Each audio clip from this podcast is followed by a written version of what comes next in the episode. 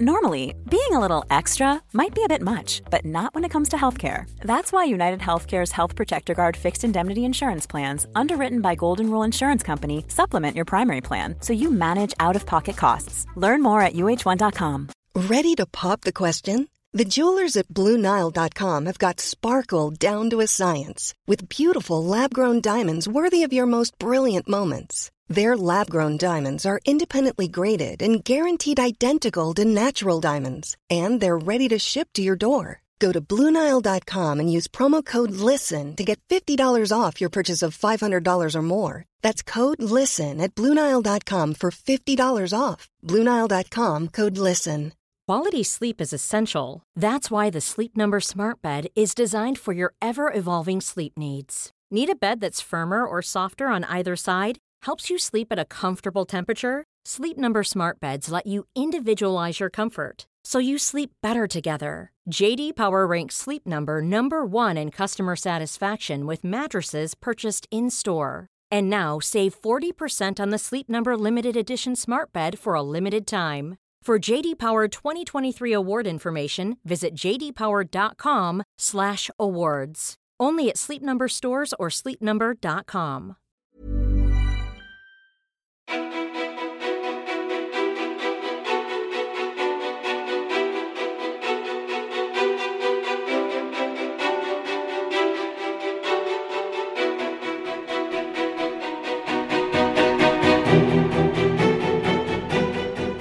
Alexandra Kamperhaug är en av våra snabbast växande stjärnor i träningsbranschen.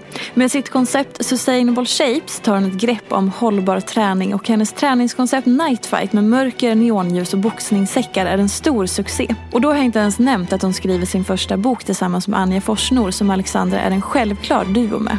De har även podcasten Allt är bra tillsammans. Och Alexandra bloggar på prestigefyllda L och är ambassadör för Adidas och har tusentals följare på Instagram. Och hon har båda fötterna på jorden. Men Alex har även berättat om ångest, ilskan över kroppsidealen och hur hon själv försöker att balansera sociala medier och livet. Kan hon förbli autentisk? Hennes karriär går i raketfart. Hinner hon med? Vem är egentligen Alexandra Kamperhaug? Varmt välkommen till podcasten Ofiltrerat med mig, Sofia Peterfia Ståhl. Hej Alex! Hej! Vilket, eh, wow, vilket intro. Hur kändes det? Eh, det känns som att sånt behöver man nog höra från någon annan ibland. För mm. eh, det, när du rabblar sådär så inser jag ju att jag håller på med ganska mycket roliga saker. Eh, och att jag väldigt sällan liksom, tar mig tid att tänka och vara stolt över det. Eh, mm. så. Eh, och så tänker jag, nej men sluta nu lite grann också. Ja. För jag blir lite generad. Men eh, det är väl bra att man kan bli det över sina egna insatser på något sätt. Mm. Så. Men visst, varför är det så jäkla svårt att se det man faktiskt gör och åstadkommer? Jag vet inte. Eh, och jag tänker också att man ibland borde sätta sig ner och och skriva det här för sig själv. Mm. Och bara så här, wow, det här har du gjort bra. Men det gör man ju aldrig. Utan så fort man har liksom uppnått något man har jobbat för att nå, då är det ju dags att springa på nästa puck. Eller så, så funkar jag väldigt ofta i alla fall. Mm. Vilket är sjukt i sig. Uh, het, hetsjakt liksom på, på uh, att ta sig vidare i sin karriär. Ja, då är det ju som att man inte ens när man har uppnått det där som man kanske har drömt om eller fantiserat om eller tänkt som en målbild och så får man det. Mm. Det är inte så att man blir nöjd. Nej. Eller så stannar upp ens och firar eller nu, nu säger jag man jag, mm. men det låter som att du är lite likadan. Mm. Ja men, nej, men det är ju väldigt sällan. Jag har gjort det några få tillfällen där jag har varit så här super super stolt. Mm. Men de kan jag ju räkna på eh, alltså det fyller inte en hand när jag har men berätta då, vad har du varit superstolt över så att du har verkligen firat det? Eh, nej men jag var väldigt, väldigt stolt när jag började blogga på L. Mm. Eh, det var en stor sak. Så då tog jag med mig min kille och så eh, körde vi, eh, vad heter det, afternoon tea ja. på, på Grand Hotel och drack eh, champagne. Perfekt. Eh, så det firade jag verkligen. Och sen så vet jag också att jag firade i somras när jag hade helt hundra fått klart med Adidas. Just det. Då blev det skaldjursplatå eh, med havsutsikt i Halmstad och också bubbel. Oh. så det är två gånger jag vet att jag har firat. Men resten, nej. Nej. nej. Det är ju också förlåt att jag avbröt dig, men det är ju också lite sådär eh, man får ju inte fira för mycket riktigt. Nej. Det är mycket att så här, ja men tro inte att du är någonting. Nej, nej, nej, det får man inte. Och speciellt, det hade jag tänkt komma in på senare, men vi kan ju börja från början. För du, både du och jag är från en småstad. Mm. Ja. Eh, hur många invånare är det i Oh, Ulricehamn? alltså jag tror att kommunen har 20 000 Ja. eh, och att det är runt 10-13 i tätorten. Precis. Så det är ju en väldigt, väldigt liten och stad. där antar jag att det finns mycket jantelag. Ja, alltså jag, jag har alltid upplevt det så. Eh, och, men samtidigt tänkt så att nej, men jag överdriver nog den här känslan. Men jag måste säga att det var ju inte förrän jag flyttade ifrån Ulricehamn som jag verkligen kände att shit vilket missunnsamt klimat det är. Och jag tror att det väldigt mycket hängde ihop med, för jag flyttade till Jönköping efter Ulricehamn eh, för att plugga där. Och sättet jag blev mottagen på och liksom människorna jag lärde känna, hur de bemötte mig var så, liksom, så total kontrast mot upplevelser jag har haft under åren i Ulricehamn. Så att då, då blev det lite så här att jag fick det svart på vitt, måste jag säga. Men hur, vad var det som var den mark- markanta skillnaden då? Hur var det hemma liksom? Nej, men det, alltså, det är ju svårt att ta på, ta på specifika grejer. Men jag minns eh, en händelse ganska nyss. Där jag var på, eh, på en mässa med min kille. Och så sprang vi på några hemifrån som jag inte hade sett på jätte, jättemånga år. Och så var jag så här, nej men vad kul. Eh, alltså, där är ju de. Och så vet jag eh, att det är personer i det liksom, eh, i umgänget som, eh, som jag har, som, har pratat liksom, skitsnack om mig och vad det nu är det vet man ju inte men det vet Nej. jag. Eh, och då tänkte jag att ehm, men det är ju gammalt, gammalt groll så nu är det nya tider och vi är vuxna eh, människor. Och så skulle jag fram och kramas och och det, det satt ju så långt inne. Och det var så här, jaha, eh, ja, du hade startat något eget nu såg jag. Eh, går det bra eller? Och då känner man också så här, du frågar ju inte det här för att, alltså känn tonen i en fråga. Alltså så här, skulle du fråga mig, men hur går det? Då hade jag vetat att du undrade för att du vill att det ska gå bra. Eller för att du vill att det ska gå bra. Och jag kände inte riktigt den känslan om jag säger så. Och sen var det inte så mycket mer med det utan vi gick därifrån och jag kände, jag bara kände så här, men de här det är ingen bra energi här. Jag vill inte, stå, jag vill inte, jag vill inte dela med mig av någonting här. Vilket jag inte brukar ha särskilt svårt att göra. Och så gick vi därifrån och då säger David, han bara, vad i all sin dag var det frågan om? Han var, alltså hon var ju så svartsjuk på dig. Alltså man kunde ju ta på den känslan. Och det blev så intressant för jag hade ju, han visste ju inte vilka de var. Jag har aldrig berättat om liksom personer specifika. Jag har bara sagt att jag tyckte att känslan i Ulricehamn har varit sån. Men då fick jag det på något sätt så här, ja det, det är liksom det är ingen god vibe. Eh, och nej men jag, det, det händer inte så mycket i en sån stad vilket gör att jag känner att det blir ofta så att man av kanske eh, uttråkad eh, symptom liksom börjar eh, fundera mer på vad andra gör än att sysselsätta sig själv. Och det tror jag alltid är en stor fara alltså. Verkligen. Ja men definitivt. Det blir ju... Så jag upplever också, för jag växte upp i en liknande stad med ungefär samma anvå, in, användare, invånarantal. Användare av staden. Exakt. Och det har alltid varit en känsla av att det här också att man säger att alla känner alla.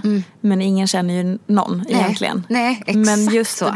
När det är den känslan, så här, det fanns ett gymnasium, en högsko, eh, högstadieskola och sådär. Det blir, det blir, det är problematiskt när alla tror att alla känner alla. Och så är det så mycket rykten. Fruktansvärt mycket. Alltså, jag vet att mamma och pappa valde att sälja sitt hus. Eh, när jag började nian tror jag det var. Och då hade vi bott ute där liksom hela min, min uppväxt och mina syskons uppväxt. Eh, då vet jag att jag hörde på skolan att det var Kronofogden som hade tagit vårt hus. Oj! Och det är ganska allvarliga grejer. Eh, och för att mamma och pappa bara vill göra en förändring i sitt liv. Alltså det är, det är ändå sjukt. Alltså den, den lilla detaljen minns jag väldigt, väldigt tydligt. Och sen liksom Nej, men vi var framåt, jag och mina tjejkompisar. Och vi, vi gjorde mycket saker också som, som inte var inom ramen för vad man förväntar sig alltid av, av tjejer. Alltså vi, vi var delade i våra sysselsättningar. Jag kan inte förklara det bättre än så. Men, eller det kan jag. Men eh, jag vet inte hur långdragen jag ska vara. Nej, men kör på. Nej men, eh, och det här när det då helt plötsligt också blir svårt att placera någon i ett fack. Mm. Att så här, nej men det här är inte en handbollstjej eller en fotbollstjej utan det här är någon som är ute ibland, går till kyrkan ibland. Alltså det blev sån, folk fick liksom inte ihop oss riktigt och det tror jag också var Eh, det var krångligt och så bodde vi inte inne i ett så klassiskt kvarter som många av, av kompisarna i skolan eh, mm. gjorde utan vi bodde liksom utanför stan och alla hade liksom ett hus som inte såg likadant ut som de andra och då blev det krångligt och så tyckte vi kläder var roligt så då var det lite störigt och så var vi ändå snälla mm. så att, och ödmjuka. Alltså det blev så mycket saker som inte, mm. som inte eh, var härligt att ta på så att säga. Eller tvärtom. Men vad tänker du att så här, för du, nu bor du i Stockholm sedan flera år tillbaka. Du har mm. bott på andra ställen också i världen, i olika länder och sådär. Mm. Men hur tänker du att din uppväxt ändå har påverkat dig? Eh, nej men jag tror att den har påverkat mig i att Alltså, och sen om det är på ett positivt eller negativt sätt, det vet jag Eller det har jag funderat väldigt mycket på de senaste åren. För att Eh, jag är ödmjuk och eh, jag är väldigt så här Ja, men nu kan jag ändå, som jag sa, jag kan vara stolt över saker jag gjort men jag försöker verkligen alltid att tona ner på vad jag ändå har så här åstadkommit. Jag vill väldigt så här, ogärna prata om mig själv. Även om det, jag jobbar med saker som folk gärna vill prata om så har jag inget behov. Det är inte så att jag kommer in i ett rum och börjar prata. Och jag tror att hela den grejen Alltså som sagt det är väl också härligt att man inte liksom står och skriker ut sitt namn. Men eh, ibland kan jag känna att jag kanske har liksom blivit extremt lågmäld och verkligen så här vill tona ner hela mig för att jag vill inte så här att, nej men jag vill inte göra någon avundsjuk eller jag vill inte att folk ska tro att jag tycker att jag är mer än någon annan. Det tycker jag självklart inte. Men förstår du skillnaden mm, mm. på att, att inte alls, alltså verkligen så här göra sig liten i saker. Mm. Kan, ja, men jag relaterar sense. verkligen. Ah. Jag mm. känner igen det i mig själv också. Att istället för, alltså, att jag har behövt jobba på att eh, stärka mig själv så att jag ska våga ta mer plats. Mm. Och känna att det är okej okay, mm. utan att behöva be om ursäkt för det. Snar, för att jag har också varit sådär hela tiden att tona ner eller inte berätta allting eller sådär. För att jag har lärt mig sen jag var liten att så här, man får inte sticka ut, man får inte vara för mycket, man ska liksom inte tro att man är något, man ska vara som alla andra. Mm. Eh, sticker man ut, då jäklar får man skit på en gång och sådär. För det är så jag är uppvuxen. Mm. Och alla som har växt upp eh, där jag har vuxit upp så har det alltid varit så. Man ska liksom vara en i gruppen eh, på alla sätt. Ja, och liksom eh, likadant med kläder. Alltså, mm. det, kan jag, det lever fortfarande kvar i mig. Att jag ibland så här, nej men gud jag ska nog inte ta på mig det här. Då kommer väl liksom eh, det sticka ut så fantastiskt i det här sammanhanget. Eh, och det vill jag ju inte ta den platsen i det här rummet, i det här sällskapet. Och du gillar ju ändå att ha jag lite utstickande ja. kläder och du har ju en väldigt fin och speciell stil. Som är så här, du har, co ja, men du har så här coola, annorlunda grejer. Så det är jättetråkigt att du då ska känna att du inte kan ha de coola mm. grejerna. Ja, och, det, och jag skulle säga att det är först nu, alltså de, men kanske senaste två åren som jag verkligen har så här, men jag gillar det här, jag kommer köra på det ändå. Mm. Men den här lilla rösten finns alltid kvar i huvudet. Att så här, mm, nej men ska du inte tona ner det här lite nu? Och vad ska folk tänka? Eller vad, kommer jag ta för mycket plats och folk ska titta på mig då? Alltså, mm. eh, ja, det är konstigt. Så så har det nog påverkat mig väldigt mycket. Att, vara, att tona ner mig själv. Det är så jäkla, jag tänkte säga tragiskt, men det är det ju inte. För att det är, det är ju en självklarhet för att alla påverkas ju av det sammanhanget man växer upp i. Och även om man växer upp i en större stad så påverkas man ju på olika sätt och sådär. Mm. Men det är ändå på något vis fascinerande att det är så mycket som sätts när man är så liten. Och att det kan följa med en i så jädra många år. Mm. Ja, det, det är hemskt. Och sen så tänker jag också så här, just med skitsnack och allt sånt där. Jag har mm. extremt svårt för det. Men det har ju också varit ett sätt att få finnas med i ett sammanhang. Mm. Att man sitter och, och nöter om någon lite. Och det, kan, det får jag fortfarande träna Jag har jättesvårt att säga stopp. Så här. Nej men jag tycker inte, så här ska vi inte prata. För att det skapar en slags gemenskap och det tycker jag också är fruktansvärt obehagligt. Och där kan jag ofta känna mig så besviken efteråt på mig själv. Att jag inte bara säger nej men nej, nu pratar vi om något annat. Alltså så här. Sen, eh, sen självklart, det är inte så att man, är, man, ibland måste man ventilera någonting. Men det är ju en helt annan femma. Eh, det här klassiska att man ska sitta och prata om någon som inte är med i ett rum och, och försöka stärka någon slags sammanhållning i den gruppen som är där och då. Alltså jag har så svårt för det. Och det tror jag också är någonting som jag verkligen starkt tar med mig från, från åren jag växte upp. Ja, för det är lätt att hamna i det. Och sen också att det är ett sätt att ta kontakt. Så att Ja. man skapar en trygghet i att så här, vi mot dem eller vi mot ver- henne. Verkligen så. Och då blir, man kan ju basera en hel vänskap på det i princip. Det var definitivt. Gud, alltså det är speciellt. Jätte, jättespeciellt. Men eh, när jag läste på om dig eh, inför det här. Jag Ja. vet ju ganska mycket för att jag har ju följt dig. Och sen har vi känt varandra nu i kanske, jag tror att vi träffades första gången för kanske två år sedan. Ja, jag eller skulle, om någonting jag skulle gissa skulle jag också säga Ja. två år. Ehm, men, och då var det så här, men det som du har återkommit till ibland, och, men jag har aldrig hittat att du har berättat mer om det. Nej. Eh, det var ditt år i Köpenhamn som du nämnde nu senast. Just det. Ehm, för du hade gjort ett inlägg om så här, dina profilbilder och då Just skrev det. du typ att ja, men, eh, det var liksom det mörkaste eller jobbigaste du har gått igenom. Mm. Vill du berätta om det någonting? Ja, jag känner direkt att jag blir, eh, Ja, men jag jag- blir lite tagen av Ja, det. ja. Eh, nej men det är, eh, det är nog verkligen det värsta året jag har varit med om. På Gud, jag grund... ser det. Förlåt. Nej, det gör ingenting. Eh, på grund av att eh, jag träffade min första kille när jag var 16 Gud, jag blir också helt tårögd kände jag. Jag ser din reaktion. Okej, ta det om, alltså, bara om du nej, vill. Men jag, är inte, jag gillar att prata om sånt. Och sen Okej. vissa, saker, eller så här, vissa saker är jobbigare att prata om än andra. Såklart.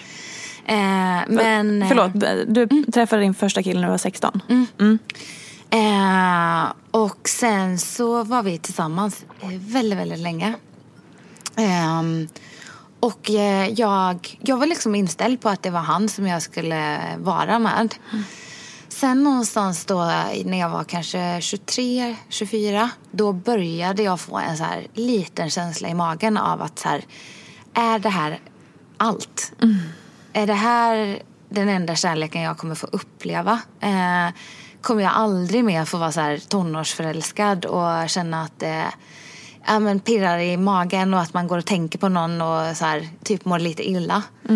Och så kände jag mer och mer att nej, men det, jag vill nog inte se det här som sista gången jag känner så. Och att vi var så nära så att vi blev ju extremt liksom, bra vänner.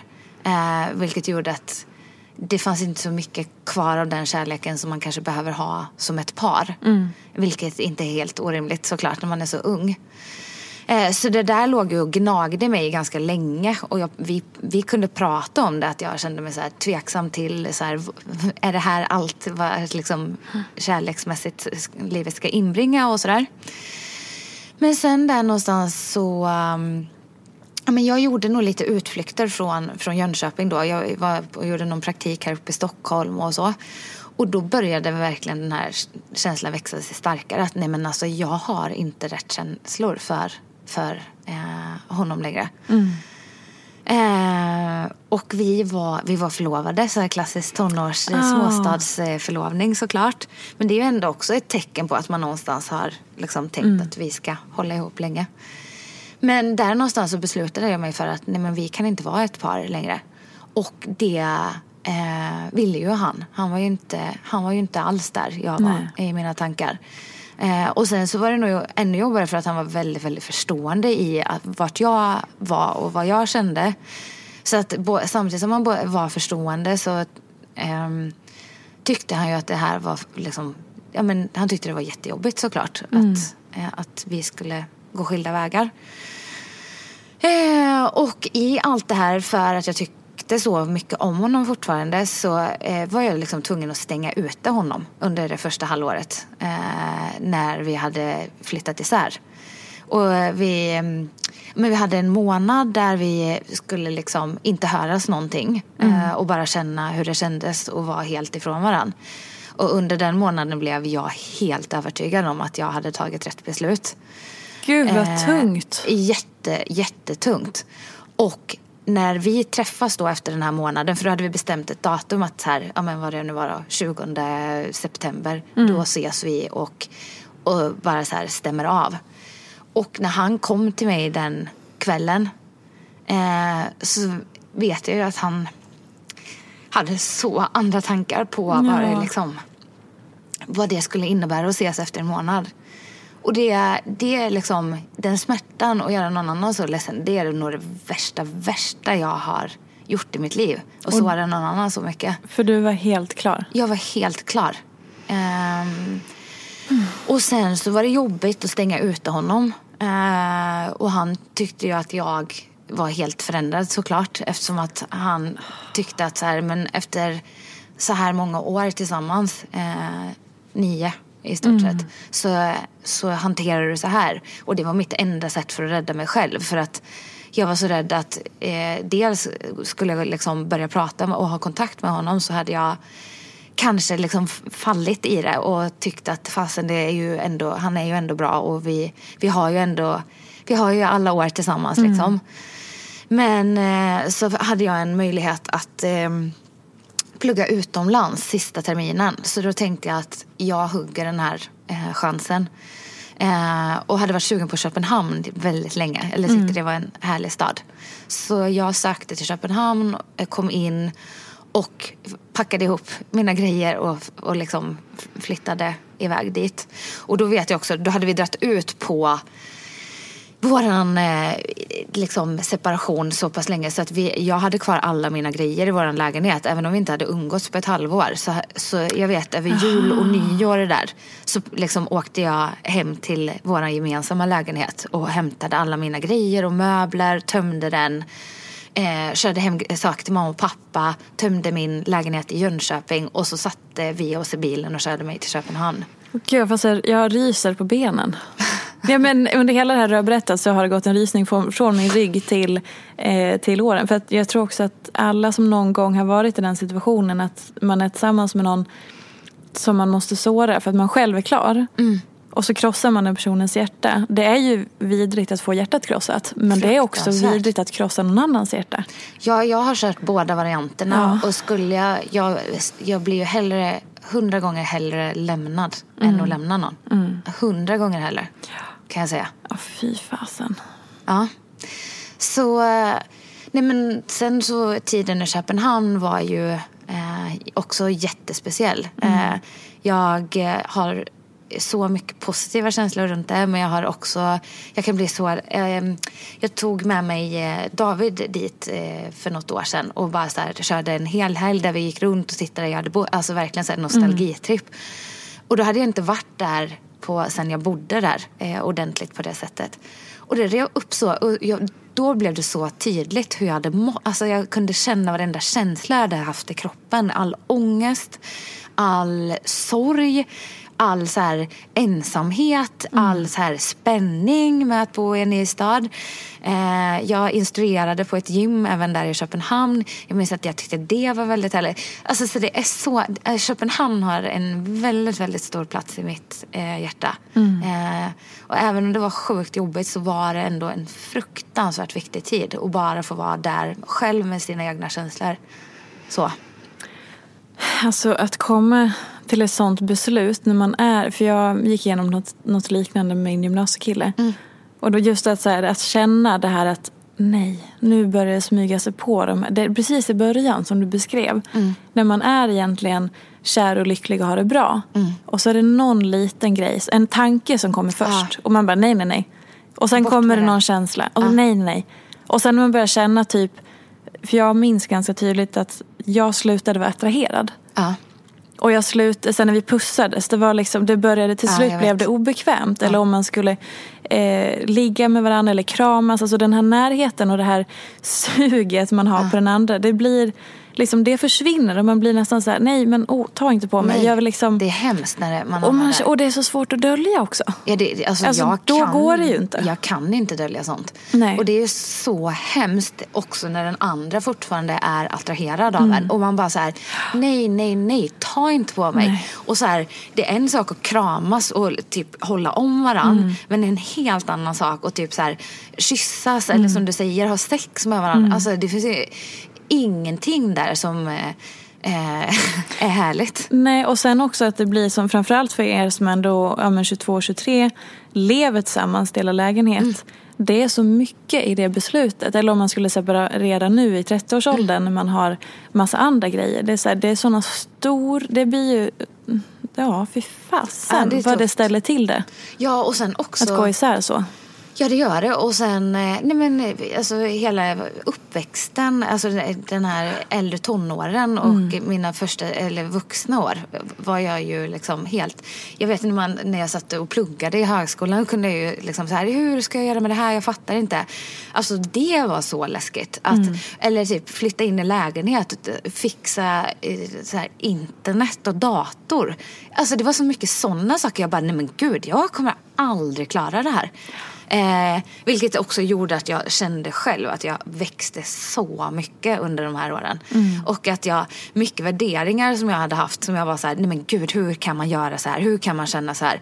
Fick ju helt annan dimension. När man bara så här, aha fast jag fattar nu varför folk säger att de kan göra så här eller känna så här. För att eh, när man får leva lite så blir man ju också mycket mer förstående för väldigt mycket olika typer av konstellationer eller känslor eller ja, så. Gud, ja. Mm. Gud, men jag kommer att tänka på hur det är så lätt att man tycker och tänker när man inte har någon aning. Nej. För det är ofta Nej. det som är grejen, att när man har väldigt starka åsikter om någonting. Antingen, jag tror, nu börjar, kommer en spontan lite sidospår här. Ja. Men jag tänker mig att så här, antingen så har man väldigt starka åsikter i en fråga för att man är väldigt påläst eller har egna erfarenheter. Så att man brinner för att så här, jag vet det här för att jag har upplevt det här eller jag kan det här. Alltså så. Eller så har man verkligen väldigt starka åsikter och allting för att man inte har en aning. Man är Nej. helt på andra sidan. Man bara tror. Men tror väldigt starkt, jag har koll.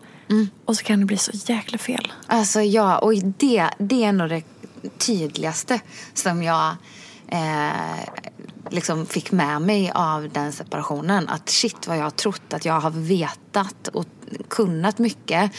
Och tyckt på ett sätt för att jag har inte, precis som du säger, haft en aning om den här andra sidan. Men Eh, vad kunde det vara? Har du något exempel? Eh, nej men alltså jag, jag, eh, jag vet att jag tänkte, eh, min bror och hans fru hade skilt sig något år tidigare. Eh, och, jag, och så hörde jag att hon hade haft någon flört eh, när, när de eh, separerade. Och jag bara, hur kan hon göra så här? Eh, och hur kan man liksom lämna någon som man är gift med och inte vilja kämpa och så här.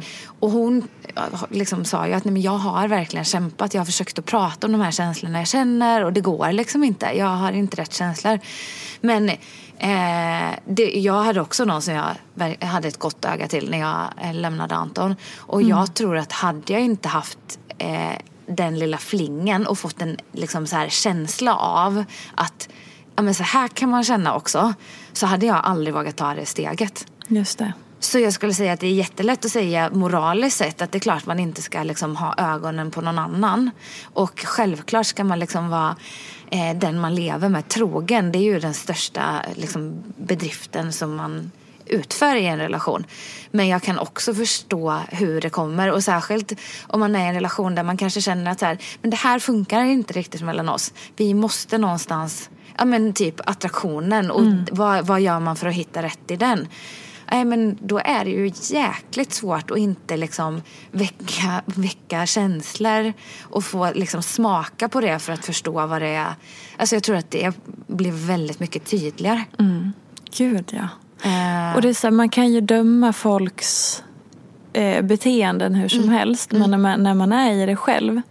Så förstår man. Alltså, men känns, alltså, man kan ju aldrig bestämma hur man ska känna. Absolut Det går ju inte, inte. att bestämma, nu ska jag vara kär i min man för resten av mitt liv. Nej, Sen tror jag att man har perioder som man såklart är mer eller mindre kär. Men, definitivt. men någon slags grundkärlek måste ju finnas där hela tiden. Mm, och någon slags grundattraktion. Precis. För uppenbarligen så har ju både du och jag varit i relationer där liksom det försvinner. Och det är ju inte lätt alltså. Det. Men det går lätt inte alls. att ändra det. Går, det. nej, det går Eller inte. gör det? Nej, alltså det här har jag pratat med psykolog om. Ja. Eh, attraktion och att, att hitta rätt i liksom, att man eh, känner sig attraherad och, och liksom tillfredsställer varandra. Alltså har man inte det, kommer det inte vara en fungerande relation. Är, och där, för mig är det så viktigt. Det är ju någonstans där man känner sig bekräftad och åtrådd. Alltså, Mm. jag menar, det finns väl inget härligare, sexigare och finare än att känna sig åtrådd av den man lever tillsammans med. Man vill Gud, ju ja. se att det liksom lyser i blicken när han tittar på en. Alltså, så är det ju. Eh, så att nej, nej tror jag, jag tror verkligen inte att det går. Det går ju säkert att jobba lite grann på det om man känner så här. Eh, nu har vi bara vi har slutat anstränga oss för varandra. Ja. Vi ser bara varandra i mysiga hemmakläder och vi typ har börjat bajsa med öppen dörr. Jag vet inte. Men att man känner att så här, nu, nu anstränger vi oss inte längre och därför så har attraktionen dämpats. Men Ja. att man då kan säga, ja men nu, vi dejtar och vi ah. piff. Alltså, sen säger jag ju inte att man måste piffa sig för sin partner hela tiden. Man ska ju kunna vara bekväm också. Men Jo, missförstå mig rätt. Ja, men jag, det här har jag, vi, jag och Anja har pratat om det här i podden också någon gång. Så här, ja, men då kan man göra, anstränga sig lite. Och, och jag, ja, ja, nej, Men klart till en in- viss- Ja, det är klart man inte ska behöva piffa sig så. Men det, det är ju också för en själv. Alltså jag som Ja. susar runt i, i träningskläder med tofsen på, på sniskan i stort sett varje dag kan ju också känna att när jag eh, gör i ordning håret eller tar på mig någonting som inte är träningskläder. Man får ju också en annan känsla runt sig själv när man känner sig lite sassy en dag. Jag känner mig fin utan smink också. Alltså, nu, ja, Man förstår. man jag, förstår. Tror, jag tror ja. att man förstår. Ja, annars, annars är det så liksom skitsamma. Då får, då får man inte förstå i sådana fall.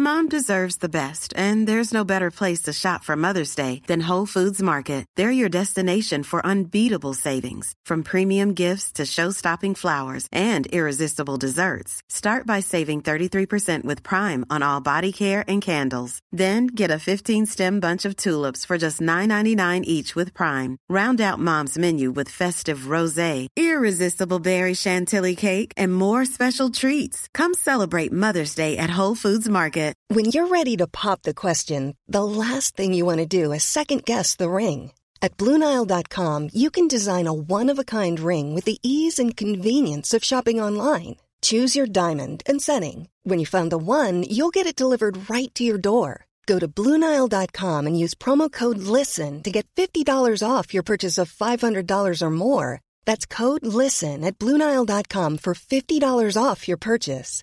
Bluenile.com code LISTEN. Many of us have those stubborn pounds that seem impossible to lose, no matter how good we eat or how hard we work out. My solution is PlushCare. PlushCare is a leading telehealth provider with doctors who are there for you day and night to partner with you in your weight loss journey. They can prescribe FDA-approved weight loss medications like Wagovi and Zepbound for those who qualify. Plus, they accept most insurance plans. To get started, visit plushcare.com slash weight loss. That's plushcare.com slash weight loss. I'm Sandra, and I'm just the professional your small business was looking for. But you didn't hire me because you didn't use LinkedIn jobs. LinkedIn has professionals you can't find anywhere else, including those who aren't actively looking for a new job but might be open to the perfect role, like me. In a given month, over 70% of LinkedIn users don't visit other leading job sites. So if you're not looking on LinkedIn, you'll miss out on great candidates like Sandra. Start hiring professionals like a professional. Post your free job on linkedin.com/people slash people today. Men apropå det här med eh, utseende och sånt. Mm. Du publicerade nyligen ett inlägg eh, med dig själv i underkläder. Ja, det gjorde jag. Eh, och det var ju ett väldigt annorlunda, eller de bilderna i dig, på dig, Gud, nu kan jag inte prata. Jag kan inte ens skylla på amningshjärnan. Vi börjar om. Eh, du publicerade ju nyligen bilder på dig i underkläder. Ja. Eh, annorlunda underklädesbilder. Berätta om det. Ja, eh, idén växte från att eh, jag har haft ett lite eh, längre samarbete med Sloggy. Eh, de skulle lansera en sport, eh, sportigare kollektion men ändå liksom vanliga underkläder och också snäppa upp eh, liksom det här bomullstrusseträsket till något men lite finare material och så. Mm. Eh, och det tyckte jag kändes roligt. Och sen så kände jag att när jag skulle göra tagning nummer två på det så ville jag verkligen så här, eh, så här hur står Alexander, hur kan jag prata om eh, någonting i underkläder med tanke på att jag typ har sagt att eh, så här, inte så mycket naket i mina kanaler. Eller jag vill mm. inte ha det. Eh, och då har jag tänkt att ska jag väl göra en sån sak då, ja men ett självklart eh, vad man sänder ut för signal genom bilderna är ju jätteviktigt. Men det, det var ju därför Sloggy också ville jobba med mig för att de vet hur jag, mm. vad jag står för. Eh, men eh, då kände jag att då vill jag ju verkligen ha någonting att säga när jag gör det här och det jag måste jag måste hitta en idé som känns väldigt mycket jag men fortfarande liksom eh, är underkläder såklart. Mm. Eh, så grundidén var ju bara, eller så här, det skulle vara ett inlägg på Instagram. Men eh, för mig räckte inte det riktigt. Utan jag, det gav mig uppslag till ett helt annat typ av inlägg. Eh, så jag fick någon idé om att så här, eh, när jag satt och tänkte på vad, vad nakenhet har varit för mig och så här, när man var som minst medveten om sin kropp. Det var ju när man var liten. Mm. Um, och hur man var så fruktansvärt obrydd vid så här, hur, hur det såg ut när man satt. Om låren flöt ut över liksom, stolen eller om mm.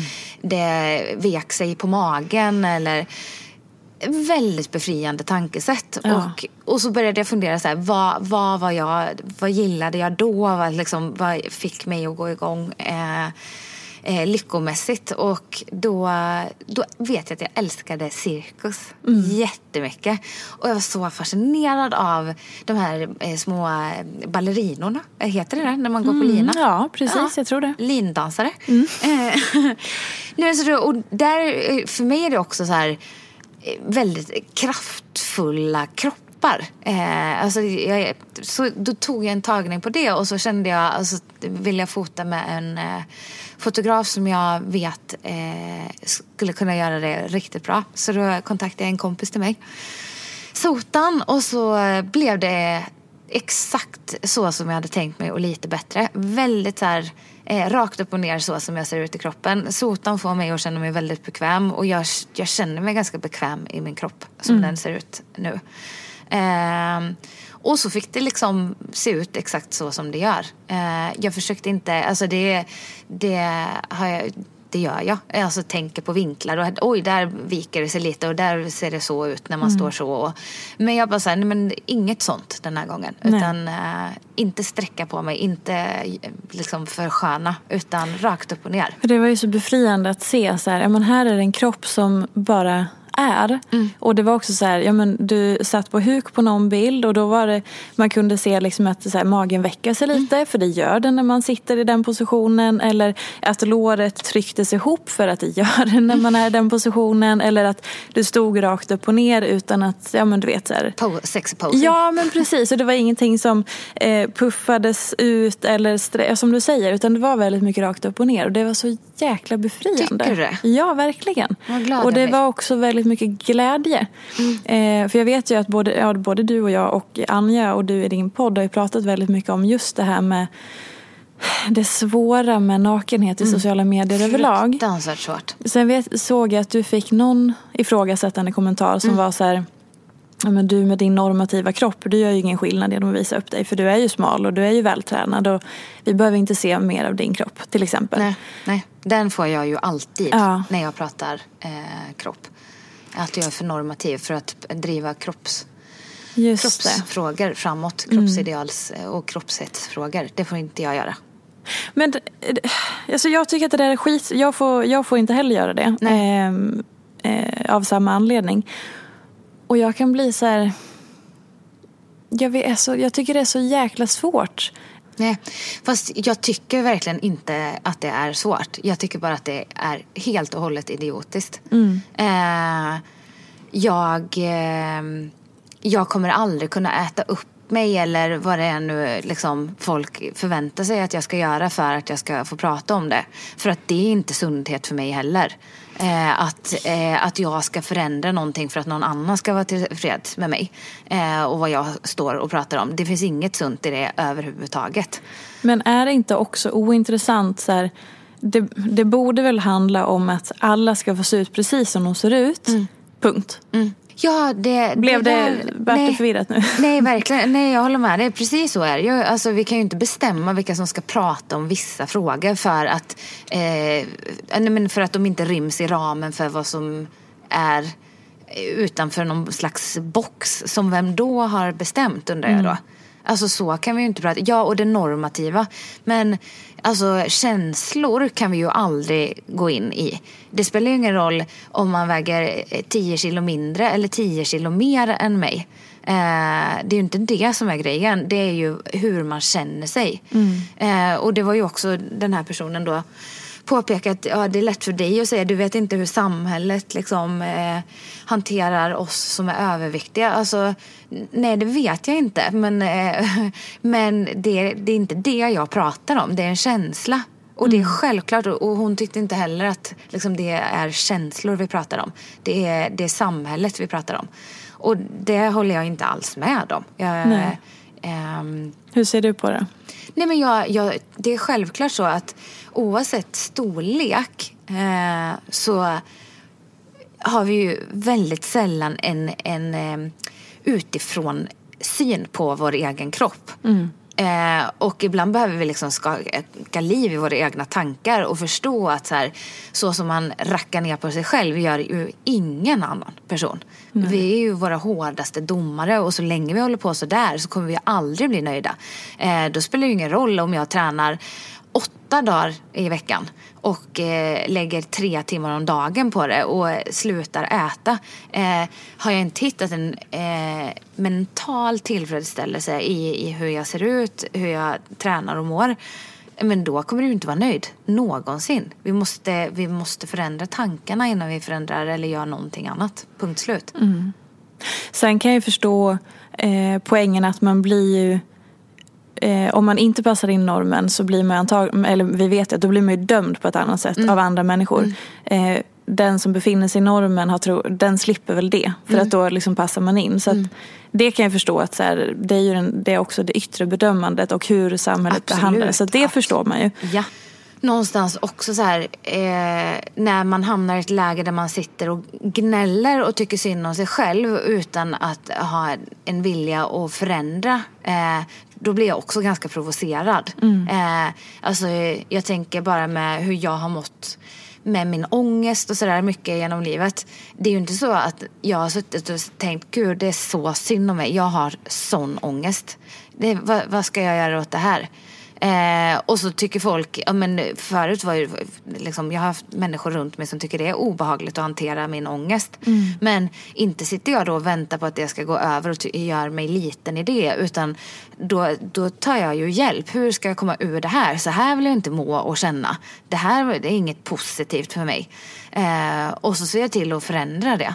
Eh, Men det där tänker jag på. Eh, för att jag fick eh, en feedback, eller en, en, en, hon vill nästan inte kalla det feedback. Jag fick en tanke från en som hade lyssnat eh, på framförallt de senaste avsnitten. Då hon upplevde, hon bara, jag, jag vet inte om det här handlar mest om mig och min personlighet för att jag, hon lever mycket med ångest och så. Eh, hon bara, senaste har jag känt att det är mycket så solskenshistoria. Alltså mina senaste gäster har berättat så här, jag har mått dåligt genom det här och det här men nu mår jag bättre. Och hon hade upplevt det som att det var så här, min egen lyckas med och sådär. Ja. Och att det var då jobbigt att höra för att hon lever med ångest. Okej. Vilket jag kan förstå. Att så här, då, för jag vet att när jag var utbränd till exempel så eh, så påverkades jag otroligt negativt av vissa saker som triggade mig där jag var i mitt liv, i mitt tillstånd och i min sjukdom. Och då så tog jag in väldigt mycket och så blev det liksom, ja men det här provocerades jag av eller mådde dåligt av och så. Men då tänker jag så här, all, har, det här är alltså då en öppen fråga. har alla människor det i sig att så här, ta tag i det. Om man, om man lever då med ångest till exempel. Mm. Är det verkligen möjligt för alla att så här, ja men okej, analysera. Nu lever jag med min ångest, nu mår jag dåligt. Nu måste jag ta tag i det här. Jag vet inte. Jag, tr jag, Nej, vet, jag det- tror det, nästan inte nej, det. det tror jag inte. Och, Eller? Nej, det tror jag inte. Och eh, eh, där, där tror jag bara att vi har olika psykiska förutsättningar också. Mm. Eh, Det, för jag blev så här, eh, jag blev så, för att jag förstod verkligen hur hon menade, jag kunde relatera Mm, till det. Men sen också eh, har jag fått frågan så många gånger i och med min utbrändhet och vägen tillbaka och Mm. allt det här. Är så här, jo men jag har ju lyckats ta mig hit, eller lyckats är fel, men alltså Mm. jag har ju kommit hit för att jag någonstans ifrån har Mm. haft någon slags driv i att eh, göra mig själv att må bättre. Mm. Att, att förändra mitt, alltså tag, ändå tagit det ansvaret över min situation. Och det är så här, vad det kommer ifrån, jag vet inte. Men och- har alla det? Nej, det, alltså jag tror s- Och nu, förlåt, nu menar jag inte att jag ska höja mig själv eller så. Utan det är bara mer så här, helt vanligt så här, men gud, vad är det som gör att man har Nej. den kraften eller inte? Jag jag eller, är helt med på du Utan att försöka säga att jag är så himla bra som lyckas. Alltså inte så alls. Nej, nej men det, det tror jag ingen kan tänka att du menar nå- något annat än det. Men nej, alltså jag, tyvärr så är det väl så sorgligt att vi har olika förutsättningar även där. Mm. För det är ju som att säga att så här, ja men man kan skapa sitt drömliv typ om man vill. Alltså, Japp. Jag är ledsen, men jag, jag tror verkligen inte det heller. Jag tror att så här, för vi kommer inte från samma, liksom, vi kommer inte med samma eh, bagage, vi kommer inte med samma förutsättningar. Eh, vi kommer inte med samma psykiska eh, assets, liksom, tillgång, resurser. Eh, så nej, jag, det här låter så hemskt och krasst men jag tror inte att alla har den möjligheten som du och jag har. Eh, att driva framåt. Men jag, jag tror att det finns också en lathet. Men, Som det är med allting i livet. Eh, att eh, ja, men Vissa saker är man bra på att ta tag i och vissa saker går man hela tiden och pratar om att oh, det här borde jag nog ta tag i. Eh, som sagt, det är inte, ingenting i livet är svart eller vitt. Eh, men däremot så tror jag att en del är mycket duktigare på att smita undan. Alltså det tycker jag, så här, det, det måste du också veta som har stått med PT-kunder mycket. Att vissa känner man så här, okej nu tror du att du har löst biffen på det här för att du har anlitat mig. Men du kommer ju fortfarande behöva jobba för att liksom utvecklas. Eh, och sen så börjar det bli jobbigt och tungt när man växlar upp intensitet så börjar folk säga att ah, mm, det är nog lite ont i armbågen här nu. Man bara nej, det där är liksom, det är ingen fara. Och sen är det nästa, oh nej men nu är det nog lite ont i foten. Så där tror jag också att vi har olika liksom, drivkraft i oss. Men ja, jag tror att det är en bl- 50-50. Alltså så här, att man nej, inte har samma möjlighet. Eh, 50-50 lathet. Men för en del på, det har ju varit mycket snack om det de senaste åren. Att så här, jag återkommer alltid till det här uttrycket världen är din lekplats. För att jag tycker att det är så obehagligt uttryck. För att det sätter sån jäkla press på att ha världen som sin le- lekplats. Sen förstår jag att en del... Jag menar, oh, en del eh, attraheras ju av det. Men då också att det får det, det får det verka så enkelt. Men jag så här, har svårt att se, som jag så här, eh, höll på med skidor hela uppväxten och tävlade hela uppväxten. Men jag är fullt övertygad om att även om jag hade fortsatt och lagt mina 10 000 timmar och fortsatt, fortsatt, fortsatt. Jag hade aldrig kunnat bli bäst i världen. Nej. För att jag har, där har jag min lathet eller där har jag inte någon förmåga. För att jag kan inte ett pressa mig så hårt i en sport eller idrott. Eh, jag har inte den tävlingsskalle som, som krävs. Jag skulle aldrig kunna motivera mig att träna så många pass i ve- Du vet, även då om jag har bra förutsättningar. Jag skulle kunna bli en bra skidåkare på elitnivå. Men jag skulle aldrig kunna bli bäst för att jag har inte det lilla sista. Det här är så intressant. Ja, att- Är du med? Alltså ja. då, så, så där, och då blir man så här, ja men alla kan göra allt, bara man gör det här och det här. Ja, alltså alla kan säkert bli okej, eller många.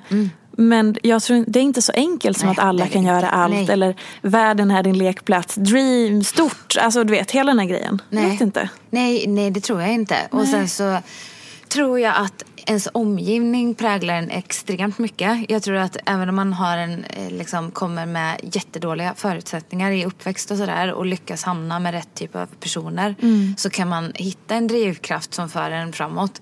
Men det kräver ju både så här, också någon slags driv eget driv Mm. men också att de personerna ser en i det här. Eh, Tur och timing. Tur och timing. Så nej, så enkelt är det inte. Eh, men jag tror att man ändå man kan göra mycket för att förbättra sin egen... Absolut. Eh, och jag, liksom, det hjälper inte att sitta hemma och gnälla på hur, hur alla andra gör och inte gör. Utan ibland får man snäppa upp alltså. Mm. Så är det.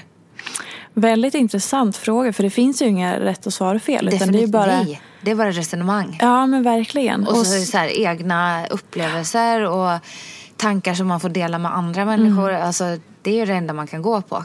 Och sen tror jag också lite så här, var man är i livet när vissa saker händer. Definitivt. Och hur det påverkar att så här, okej men vad händer med dig om i ditt liv om eh, den här separationen du skulle gå igenom om det hade hänt nu när du är i 30-årsåldern istället eller om det hade hänt när du var 40 istället för 23 då hade du hanterat det på olika sätt och då hade du kanske kunnat haft olika drivkrafter eller det hade blivit kaos eller ännu värre eller ännu lättare beroende på vad du var i det när det hände. Så det är också det att så här, ja, men ingenting är ju konstant eller ja men så här är det för mig med allt det här. Utan det är så mycket med omständigheter också. Definitivt. Och det där, sånt kan jag fundera på ofta. Så här, ja, men om det här skulle hända då eller där och om det, om det hade hänt lite tidigare. Alltså, Det är klart att det gör en skillnad. Självklart. Alltså gud det är så mycket spännande. Det är så, det är så spännande att bara prata om sådana här grejer och så här öppet och bara resonera och egentligen inte komma fram till man kommer ju fram till saker men ändå så här, ja, men Ändå om vi- verkligen inte. Exakt, man tänker så här eller så här. Okej, men om jag ska helt byta ämne då. Ja. Ehm, du har ju en karriär som har gått väldigt snabbt. Det varit, alltså på ett sätt inte, för att du har jobbat med träning i typ, är det 15 år? 17. 17 år. Eh, och du är inte jättegammal. Nej, man, man kan tro det Eh, när jag ja, säger så. ja. ja, men precis. Men du har jobbat med träning i 17 år och varit liksom... Du har ju kört på, men det är ju senaste i alla fall två, tre åren väl som det har verkligen börjat eh, lossna. Och Mm. det ena har börjat ge det andra. Som det, alltså, man börjar synas och då upptäcker någon en och så får man en fråga och det kan leda till någonting mer. Mm. Plus att man visar att man är duktig och kör på liksom. Hur känner du rent så här karriärsmässigt och företagarmässigt? Njuter du av det? Eller som vi var inne på i början, man bara kör på och bara, ja ja men det här, ribban höjs. Nej, jag, jag fick den frågan ganska nyss i Mm. ett annat sammanhang. Och eh, kom nog fram till att nej, men jag har ju inte njutit av det här överhuvudtaget. Nej. Eh, och blev helt förskräckt och bara, men Alexandra, hur många PTs finns det ute i Sverige? Jag bara, oh det är många. Hon bara, ja hur många av dem bloggar på L och är eh, ambassadörer för Adidas? Jag bara, ehm, ja det är ju jag. Ja. Och då, det var så här, jag bara, just jäklar ja. Ehm, liten så här eh, note to self kan man säga att det blev. Nej, men jag har nog inte njutit av det och det har jag, det har jag inte riktigt gjort på grund av två saker. Att det, det är tufft ekonomiskt att bygga upp sitt eget. Eh, Jag tycker att det har varit jättepåfrestande. Eh, Alltså man gör ju väldigt mycket roligt hela tiden eh, för att man blir bjuden på event som, liksom, som man får träffa sina kompisar på och så. Så att på det sättet är det jätteroligt. Och jag tänker att det har väl ändå gjort att jag inte totalt har knäckts och gått under av under de här åren som man har byggt upp det. Men, ehm, men det är ju också så här att det är mycket som prioriteras bort när man inte har har så mycket resurser att röra sig med. Eh, och en ständig stress. Eh, sen så, vad heter det, sen så får man ju liksom, nu har David hjälpt mig och köpt typ mer mat hem till oss och så. Men, eh, och sen i någon period kanske jag får hjälpa honom. Så jag tänker att det ger sig. Men jag har väldigt, väldigt svårt att bli försörjd. Jag blir skitstressad av det. Jag vill, jag vill liksom vara med och bidra. Ehm, så det är väl det ena. Och sen är väl andra att man så här, man har en idé om hur långt man ska ta sig eh, de första åren och vart man vill, vill komma. Och det har jag jobbat, sten, alltså så här, jag har jobbat stenhårt för att eh, jag ville blogga på lustigt nog L mm. eh, och få igång trafiken där. Men också med min själva träningen som är det jag verkligen, verkligen brinner för. Eh, att, att få nightfighten full, eh, det har ändå tagit ja, men två år att bygga upp så att man inte behöver stressa och känna sig nervös gällande platser. Eh, mm. det här är första terminen och då har jag kört det i två och ett halvt år som jag, liksom, platserna är slut innan omgångarna är slut. Mm. Eh, och det är ju jädrigt stort när det väl händer. Men då har man ju någonstans själv varit i det här så länge. Så att man tycker så här, men vadå gamla nightfighten? Eh, mm. Men man missar när det verkligen släpper. Nej, så jag har nog varit, jag har varit dålig på att njuta av de två två anledningarna. Att, det har varit, att man har känt att det är fortfarande mycket jobb kvar att göra och att, man har haft, eller att jag har haft dåligt med pengar. Mm. Så. Det, jag tycker det är så jädra viktigt att prata om just den här pengabiten också. För som jag sa i ett tidigare avsnitt med Isa Tengblad att man tror eller jag, tr jag, tror att många tänker sig att bara för att någon syns och mm. blir eh, kändis eller igenkänd eller stor i, so sitt område så tänker man automatiskt att det är lyx och flärd och pengar. Ja, nu rullar storkovan in. Ja, precis. Mm. Att allting innebär massa pengar, att det mm. kommer automatiskt. Mm. Men så är det ju verkligen inte. Absolut inte. Och som ny egenföretagare så är det så här, åh coolt när jag startar mina egna bolag. Ja, det är kul. Mm. Men du står ju också där med noll kronor och så måste du skaffa dig en omsättning och en inkomst så att du får lön varje mm. månad. Och hur gör man det då? Nej. Alltså det, det Nej, är ju det är... Det, det, är lätt att glömma den biten. Ja, det är jättelätt. Och sen så, alltså, alltid får man ju höra när man startar företag och pratar med någon som liksom jobbar med att hjälpa folk igång med sina företag. Att ja, men, räkna med tre till sju tuffa, eller liksom, eh, väldigt, väldigt eh, klena ekonomiska år. Mm. Eh, så det har jag ändå verkligen varit inställd på. Men det är ändå väldigt lustigt när man pratar med folk eller kompisar så här. Och man bara, ja ah, fast det är ju tufft ekonomiskt. Jag bara, jag har nog inte råd att följa med på det här. Eller jag kan inte göra det här. Va? Men det går väl jättebra för dig? Mm. Bara, jo, det går jättebra för mig. Jag har verkligen så här byggt upp, börjat bygga upp mitt varumärke. Men det är inte samma sak som att det liksom sitter millar på kontot. Nej. Eh, så. Nej. Verkligen. Bra att du förtydligade det. Jajamän. eh, vill du säga någonting avslutande kring... Välj fritt. Ska jag välja fritt? Säg något riktigt bra nu. Jag känner ingen prestationsångest överhuvudtaget.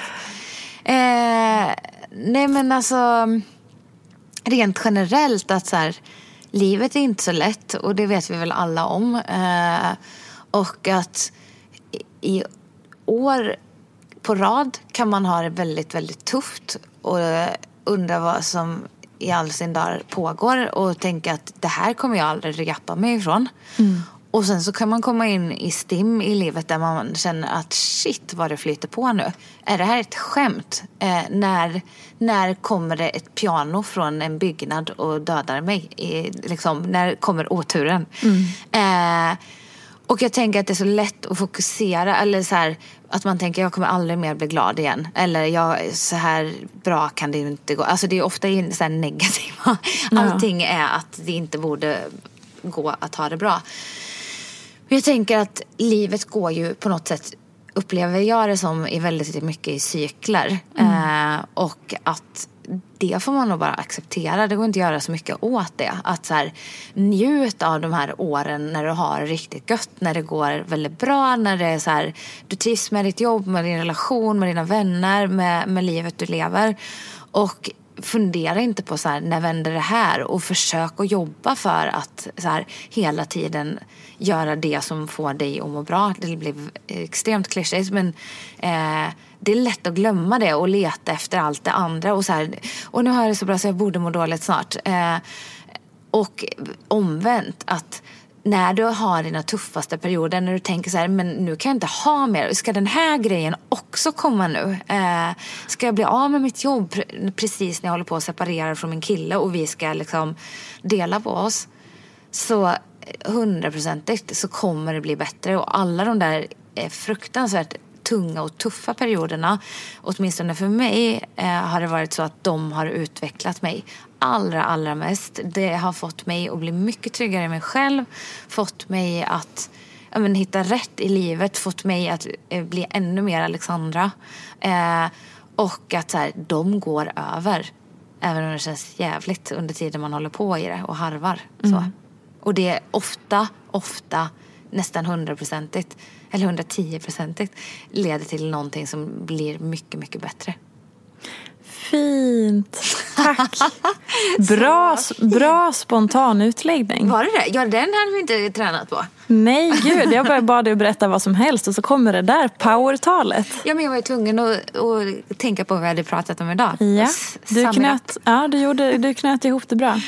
Tack snälla för att du ville vara med och tack prata med mig. Ja. Eh, Alexandra finns ju på Instagram och bloggar på L och det är ju Alexandra Kamperhaug, Kamperhaug på Instagram och alex.l.se. Ja, eller Alexandra. Ja, förlåt. Alexandra. Du, det är bara du som kallar mig Alex. Ja. Är det det? Nej, nej, nej, nej, det absolut var det. inte.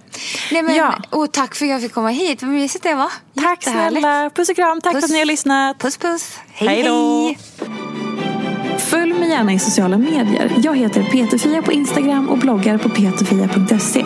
Vill du komma i kontakt med mig så gör du det på info.peterfia.se. Jag vill rikta ett stort tack till Acast för studie och stöttning och ett stort, stort tack till geniet Elin Sjödén som klipper den här podcasten.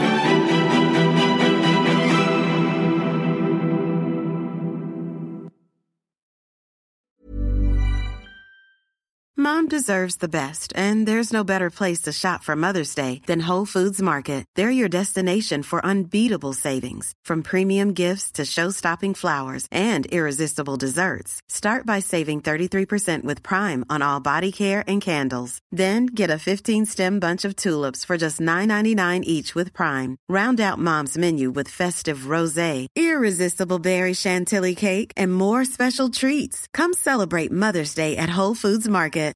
Imagine the softest sheets you've ever felt. Now imagine them getting even softer over time. That's what you'll feel with Bowl and Branch's organic cotton sheets. In a recent customer survey, 96% replied that Bowl and Branch sheets get softer with every wash. Start getting your best night's sleep in these sheets that get softer and softer for years to come. Try their sheets with a 30-night guarantee. Plus, get 15% off your first order at bowlandbranch.com. Code BUTTERY. Exclusions apply. See site for details.